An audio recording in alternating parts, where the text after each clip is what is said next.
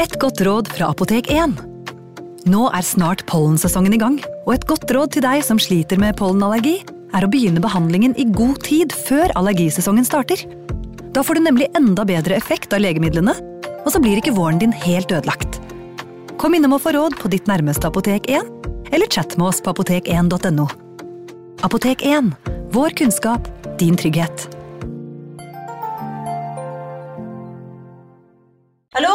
Jeg kommer fra Oslo politikammer. Ine Jansen er purk. Er du purk? The motherfucking bitch. Alt jeg vil, er å finne ut hva som skjedde med mannen min. Jon Carew. Er jeg sikta for noe? Iben Akeli. Det er du.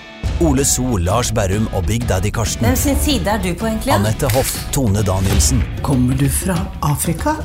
Jørnis Josef, Nesten kløfta. Trond Espen Seim, Det er synd å si det, men det var feil mann som døde. Purk. Premiere tirsdag på TV2 Play. Hei! Takk for at du lytter til True Crime Podden dokumentar. Skulle du ønske at du kunne høre en ny episode av denne podkasten hver eneste uke? Vel, da er det bare å laste ned podkastappen Untold med en gang. I tillegg til ukentlige episoder av podkaster som Skrekkpodden, Synderne og True Crime Podden, får du masse annet reklamefritt og eksklusivt innhold.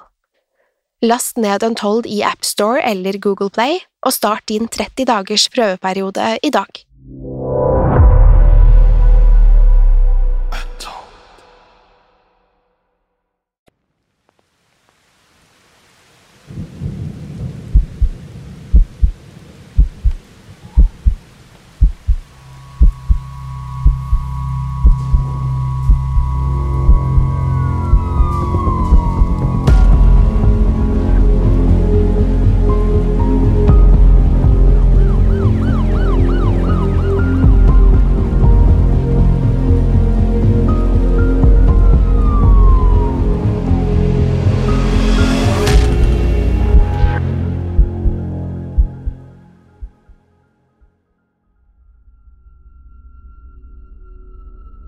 Fingrene til Roscoe Arbuckle trommet mot bordet. Det ellers så stoiske ansiktet avslørte nå stundens alvor. Dette ene øyeblikket skulle definere hele hans liv. De tolv jurymedlemmene hadde trukket seg tilbake og kun brukt fem minutter på å nå en avgjørelse. I løpet av disse fem minuttene hadde de bestemt om Roscoe Arbuckle kunne forlate rettssalen som en fri mann, eller om han måtte tilbringe de neste årene bak lås og slå. Det var kaos i rettssalen, som raskt var i ferd med å fylle seg opp igjen. Dommeren banket febrilsk med klubben og ba om at alle satte seg ned. De som ikke fikk sitteplass, stilte seg opp langs veggene. Ingen ville gå glipp av dette øyeblikket. Da roen endelig senket seg, kunne dommen falle. Ikke skyldig. Roscoe Arbuckle var en fri mann. Juryen hadde nesten umiddelbart kommet til enighet om at han ikke var en morder. Alle kunne se lettelsen i Roscoes ansikt. Fingrene hadde sluttet å tromme mot bordet, og snart kunne han ta imot jubelen som spredte seg gjennom salen. Arbuckle stormet bort til jurymedlemmene og tok hver og en av dem i hånden. Denne gangen hadde det ikke vært noen tvil. De tolv jurymedlemmene uttrykte sin dypeste medfølelse for hva han hadde vært igjennom. Frikjennelse er ikke tilstrekkelig for Roscoe Arbuckle. Vi føler at han har blitt utsatt for en stor urett. Vi mener derfor at det er vår plikt å gi han en fullstendig frifinnelse fra skyld, da det ikke eksisterer et eneste bevis som knytter han til disse forbrytelsene. Han sto rakrygget gjennom rettssalen og fortalte med overbevisning hva som hadde hendt. Det som hendte på hotellet var en uheldig affære, men ikke noe Arbuckle kan holdes ansvarlig for. Vi ønsker ham videre suksess, og håper at Amerikas befolkning stoler på juryens beslutning. Roscoe Arbuckle er uskyldig. Dette var juryens signerte vurdering som ble lest opp etter at dommen falt. I denne uttalelsen skilte de mellom acquittal, som betyr at aktoratet ikke var i stand til å presentere tilstrekkelig bevis, og exoneration, som betyr at de var overbevist om at Arbuckle var helt uten skyld. Det er riktignok lite sannsynlig at det var jurymedlemmene selv som komponerte denne teksten. Antageligvis var den allerede skrevet av Arbuckles advokater og deretter signert av juryen etter at dommen falt.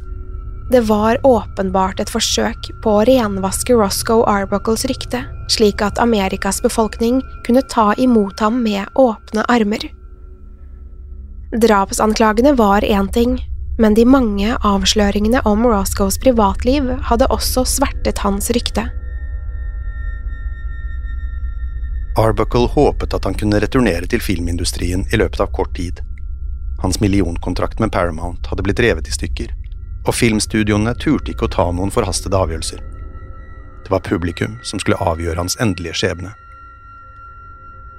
Selv om drapstiltalen var ute av verden, sto Arbuckle fremdeles tiltalt for mindre forbrytelser.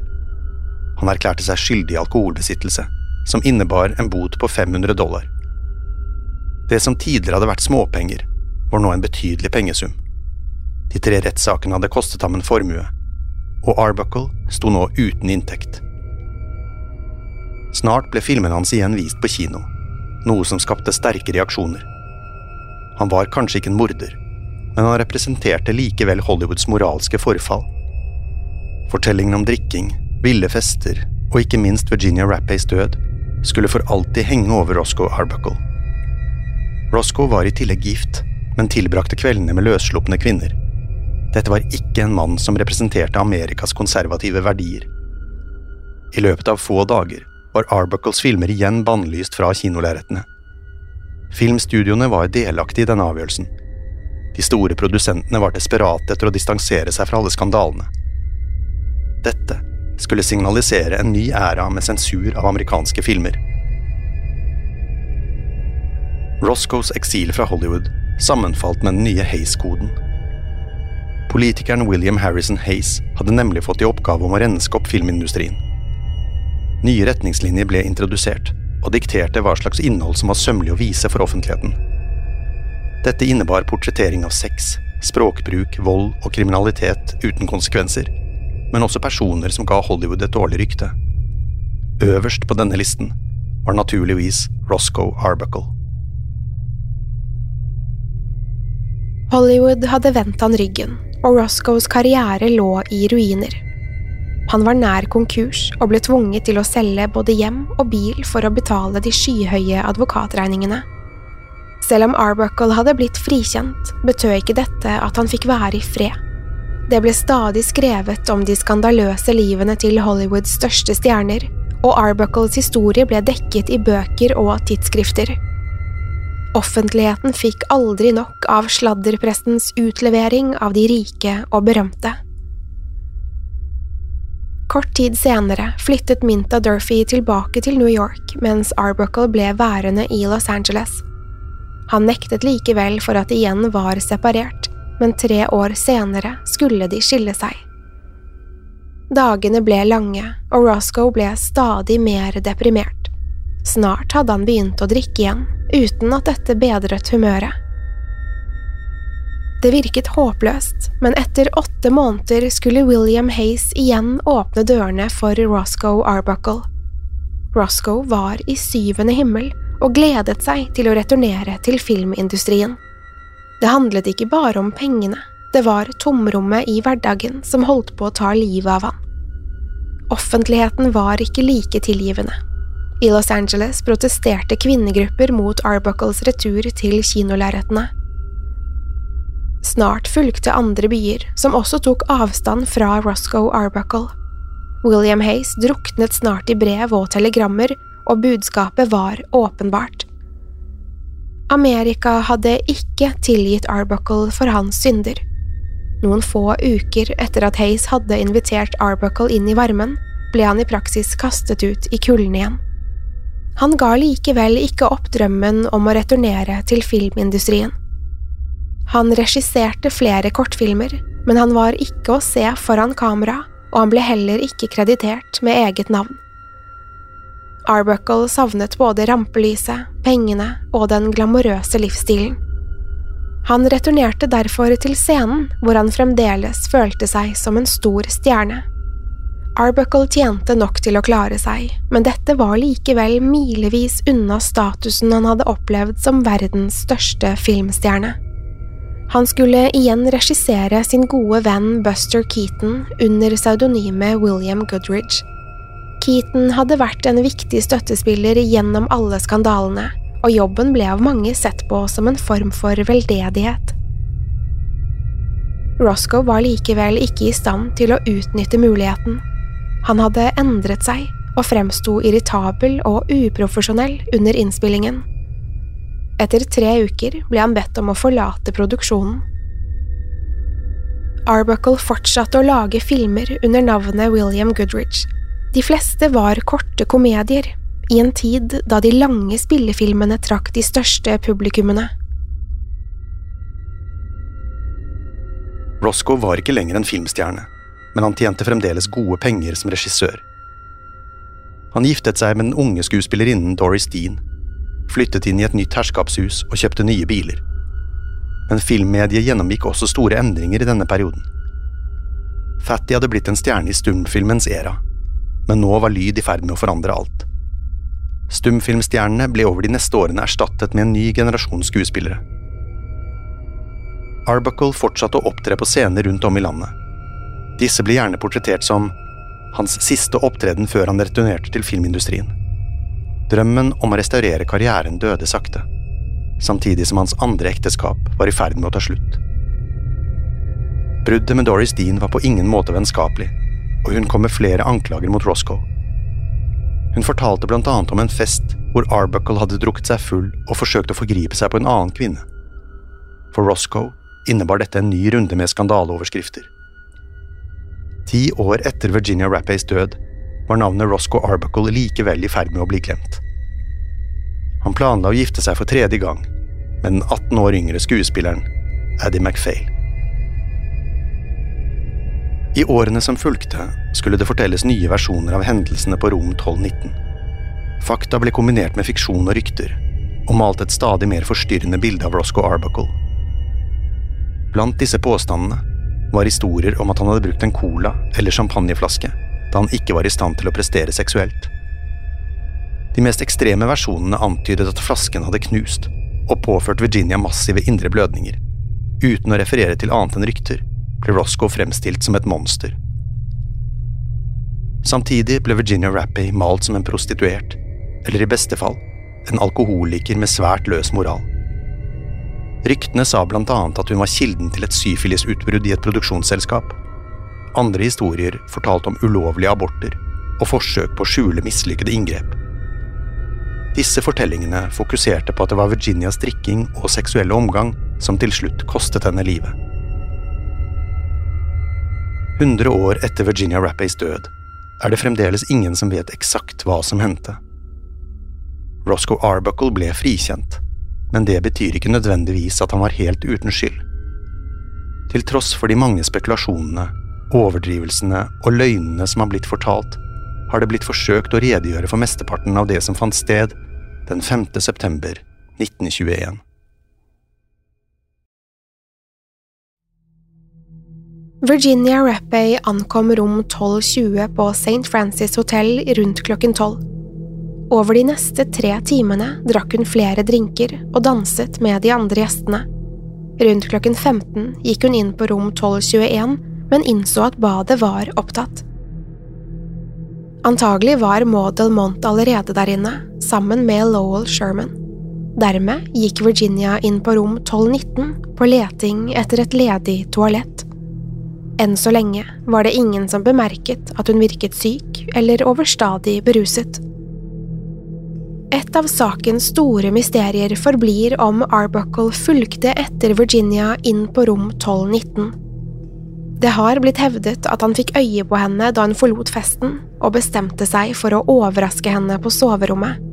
Andre hevder at han ikke visste at Virginia var på rom 1219, og at han kun entret rommet for å skifte ut av pysjamasen. Det som er sikkert, er at Arbuckle låste døren etter seg. Hva som hendte etter at han entret soverommet, har blitt diskutert i det uendelige. De som hevdet at Roscoe var skyldig, mente at Virginia hadde forsøkt å komme seg ut av rommet. Arbuckle hadde forsøkt å stanse henne og skjøvet henne mot døren før han slang henne ned på sengen. Da han tvang seg på henne med hele sin vekt, skal dette ha forårsaket at blæren hennes sprakk. Virginia hadde antageligvis lidd av urinveisinfeksjon, som igjen hadde fått blæren til å svulme opp. Til tross for underliggende faktorer mente ekspertene at skaden måtte være et resultat av ytre traume. De som mente at Arbuckle var skyldig, antok at han planla å presse seg på Virginia. Men kombinasjonen av smerten og det plutselige blodtrykksfallet gjorde at hun besvimte. Dette stanset det seksuelle overgrepet, og Arbuckle forsøkte i stedet å vekke henne. Til slutt var han i stand til å få liv i Virginia, og han åpnet deretter døren. Hva enn Arbuckle hadde planlagt å gjøre, er det lite som tyder på at han kom lenger enn å kaste seg over Virginia. Arbuckle presenterte et helt annet narrativ der han kun forsøkte å hjelpe den åpenbart syke kvinnen. Selv om det virket som hun hadde magesmerter, antok han at hun var kraftig beruset. Arbuckle fortalte hvordan Virginia hadde kastet opp på toalettet, og at han hadde forsøkt å hjelpe henne. Det har blitt hevdet at skaden på blæren enten ble forårsaket av et fall eller som følge av muskelsammentrekninger mens hun kastet opp. En konsekvens av infeksjonen var at Virginia slet med å urinere, noe som igjen kan ha vært en stor påkjenning for blæren. Et stort inntak av alkohol skal også ha forverret denne tilstanden. Det er verdt å merke seg at Arbuckle var det eneste vitnet som kunne fortelle at Virginia hadde kastet opp. Hun var åpenbart frisk nok til å gå til rom 1221 før hun entret toalettet på rom 1219. Ingen av de andre festdeltakerne la merke til at hun var uvel. Arbuckle fortalte at han hjalp Virginia opp på toalettet. Her drakk hun to glass vann før han bar henne til soverommet. Etter en rask tur innom badet fant han henne på gulvet ved siden av sengen. Han hevdet at hun vred seg i smerte og skrek og stønnet høyt. Forsvarsadvokatene hevdet at dette fallet kunne ha vært kilden til den ytre traumen mot magen. Mange fant det likevel påfallende at Arbuckle ikke hadde delt denne historien umiddelbart. Han fortalte nemlig verken legene eller de andre festdeltakerne at Virginia hadde kastet opp. Hvis han virkelig bare hadde prøvd å hjelpe henne, er det merkelig at han forsøkte å holde dette hemmelig. Det var riktignok ingen som antok at Virginia var alvorlig syk på dette tidspunktet. Selv legene behandlet henne som hun hadde fått i seg for mye alkohol. Selv om ingen umiddelbart mistenkte at Virginia Rappy var døende, ventet Arbuckle lenge med å fortelle sin versjon. Det var ikke før under den første rettssaken at han delte disse detaljene. Mange mistenkte derfor at dette var et narrativ konstruert i samarbeid med forsvarsadvokatene. Denne historien ble nemlig ikke presentert før etter at de hadde hørt aktoratet legge fram sin versjon. Dersom Arbuckle kun var en god samaritaner, er det enda merkeligere at han ikke var mer bekymret for Virginia. Dette var riktignok ikke første gangen Arbuckle fortalte sin versjon av hendelsesforløpet. Samme kveld som Virginia Rappy gikk bort, snakket Roscoe Arbuckle med The San Francisco Chronicle og The Los Angeles Times. Han presiserte da at han aldri hadde låst døren til rom 1219. Videre beskrev han at hele festen hadde vært vitne til Virginia Rappays anfall. Hun hadde blitt hysterisk og begynt å rive av seg klærne. Arbuckle hevdet på dette tidspunktet at anfallet hadde vært grunnen til at hun ble flyttet til rom 1219. Han gikk så langt som å hevde at han aldri var alene med Virginia, noe han også gjentok da han snakket med politiet. Det er åpenbart at Roscoe Arbuckle løy, enten umiddelbart, under rettssaken, eller ved begge anledningene. De store kontrastene i disse historiene gjør det tydelig at han fryktet at han sto i fare for å inkriminere seg selv. Dette betyr ikke nødvendigvis at han drepte Virginia, men han innså likevel at scenarioet fikk han til å se mistenkelig ut. Sannsynligvis fortalte aldri Roscoe Arbuckle hele sannheten. Det har også blitt diskutert hvorvidt Arbuckle gikk ut av rommet frivillig, eller om det var som følge av Maud Delmons sparking i døren.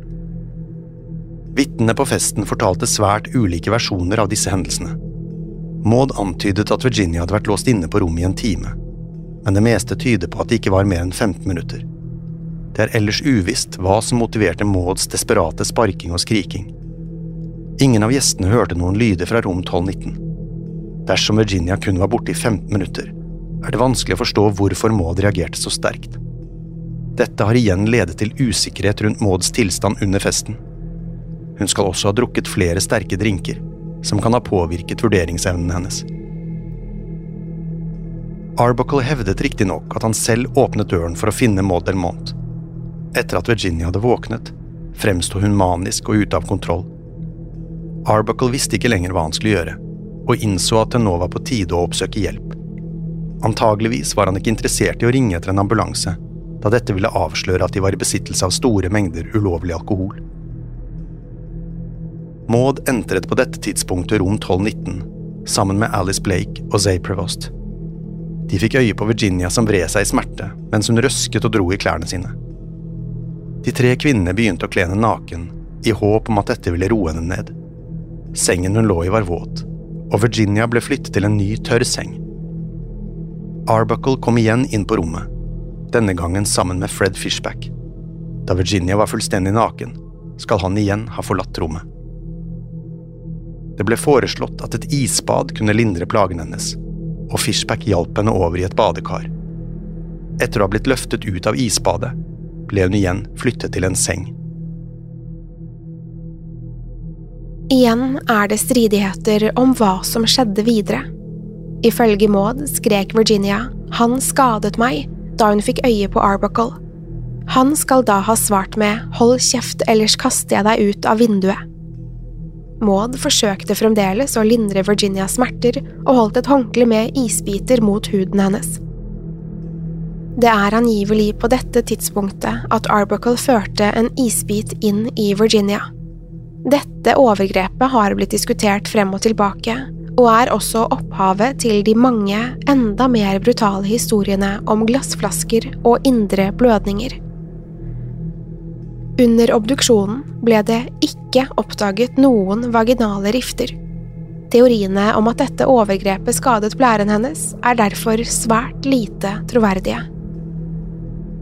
Arbuckles versjon av hendelsene bekrefter mange av de samme detaljene, men rekontekstualiserer det hele.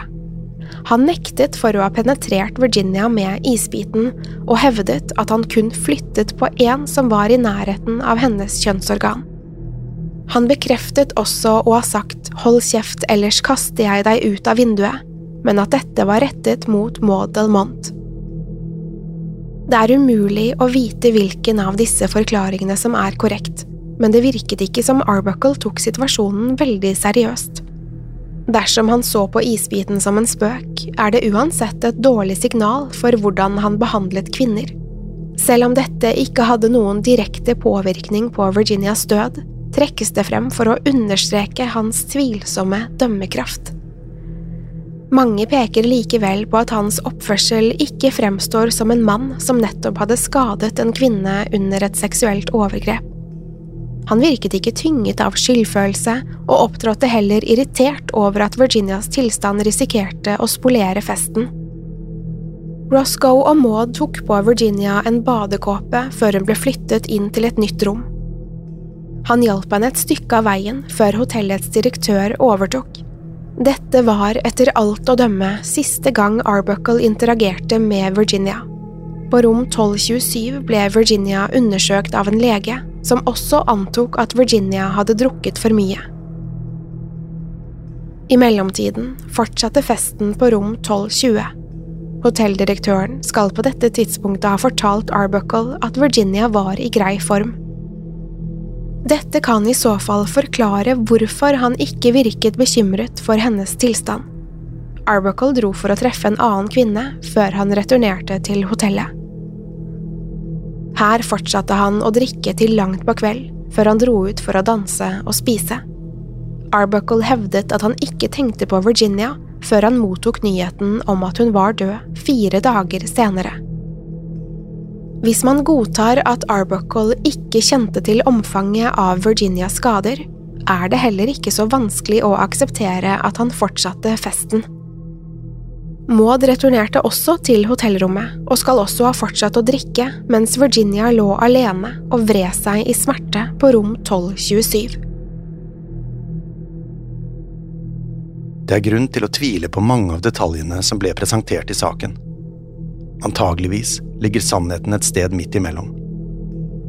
Det eksisterer likevel ingen definitive svar på hvorvidt Roscoe Arbuckle forårsaket Virginia Rappays død. Kanskje var han i overkant voldsom da han forsøkte å presse seg på henne. Kanskje lot han seg bare rive med. Det er nemlig ikke sikkert at han handlet uten samtykke. Virginia brukte aldri ordene voldtekt eller overgrep, og skal angivelig kun ha sagt at han gjorde det mot meg, eller han skadet meg. Det er ingenting som tyder på at Arbuckle ønsket å drepe henne. I de fire dagene Virginia levde, rapporterte hun heller aldri et overgrep til politiet. Alle anklager mot Arbuckle ble gjengitt av Maud Elmont og andre vitner, uten at Virginia kunne bekrefte hva som ble sagt. Bevisene, deriblant fingeravtrykkene på døren, ville neppe blitt akseptert som fellende bevis i dag.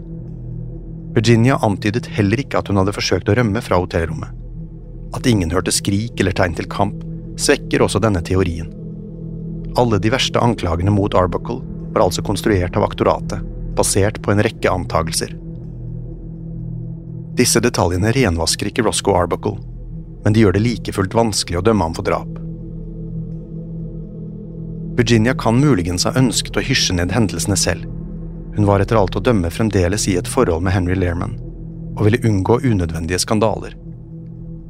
En av sykepleierne som tok seg av henne, skal ha antydet at Virginia hadde lidd av magesmerter i minst seks uker.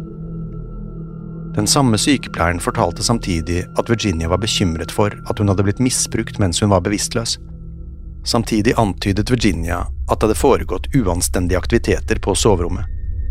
Antageligvis siktet hun til kyssing og berøring, som trolig hadde skjedd med hennes samtykke.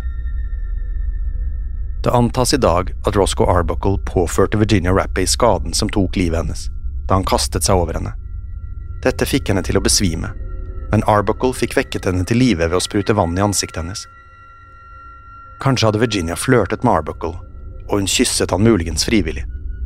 Da hun besvimte, kan hun likevel ha mistet oversikten over hva som egentlig skjedde hun kviknet til, usikker på om Arbuckle hadde misbrukt henne.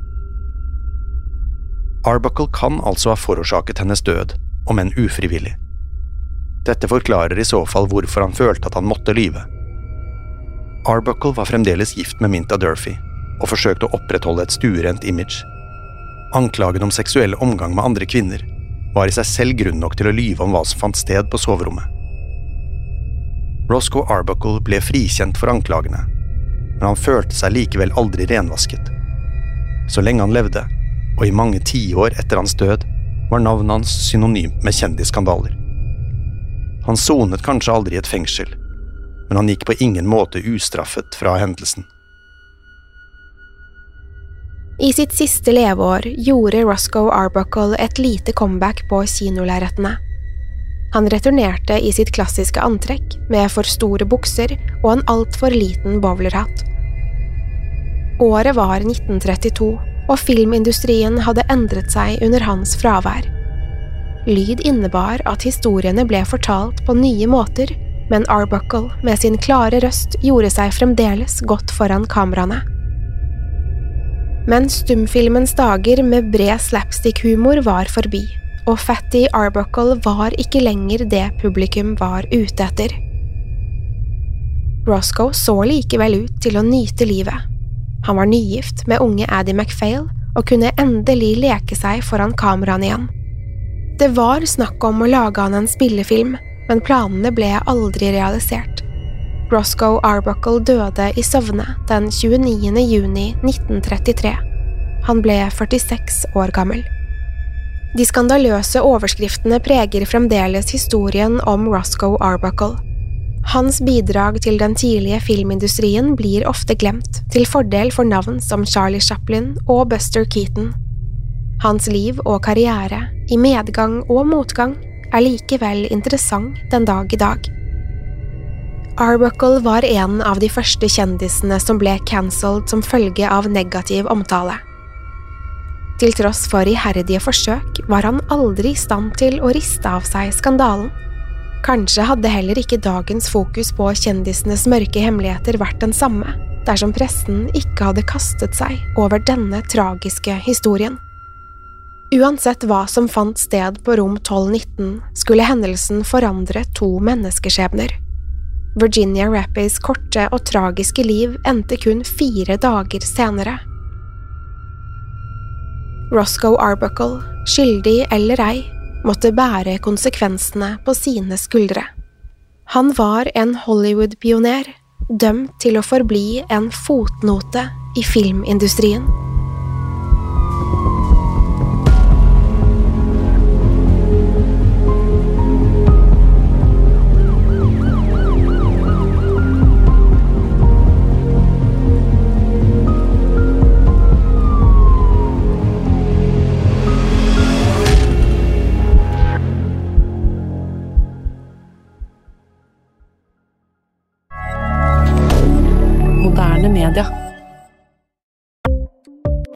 Ukens annonsør er Folio, en smartere banktjeneste for deg som har en egen bedrift eller ønsker å starte for deg selv. Folio er en superenkel nettbank for bedrifter. Som kunde i Folio får du en bedriftskonto med et bedriftskort og app. I denne appen er det smarte løsninger som forenkler regnskapet ditt, uansett om du har en liten bedrift eller et enkeltpersonsforetak. Folio er både intuitivt og brukervennlig, og er laget med et enkelt språk. I tillegg tilbyr de forutsigbare priser og ingen skjulte gebyrer. Skulle du likevel trenge det, så kan du snakke med deres raske og hyggelige kundeservice, og der får du prate med en faktisk person og ikke en chatbot. Folio er med andre ord både enklere og koseligere enn banken. Over 10 000 bedrifter har allerede valgt Folio som sin banktjeneste, så besøk folio.no og se hvordan Folio kan forenkle din hverdag også. Har du et enkeltpersonforetak eller en liten bedrift? Da er du sikkert lei av å høre meg snakke om hvor enkelt det er med kvitteringer og bilag i fiken, så vi eh, gir oss her, vi. Fordi vi liker enkelt. Fiken superenkelt regnskap. Kiwi er billigst i VGs matbørs og har vært billigst i fire av de fem siste VGs matbørser. Og nå presser vi prisene på frukt og grønnsaker. På 200 gram broccolini setter vi prisen til 24,90. På 400 gram Cevita blåbær setter vi prisen til 49,90. Og husk, alle Kiwi Pluss-kunder får i tillegg 15% trumfbonus på all fersk frukt og grønt. For det er vi som er prispresserne. Og vi i Kiwi gir oss aldri på pris.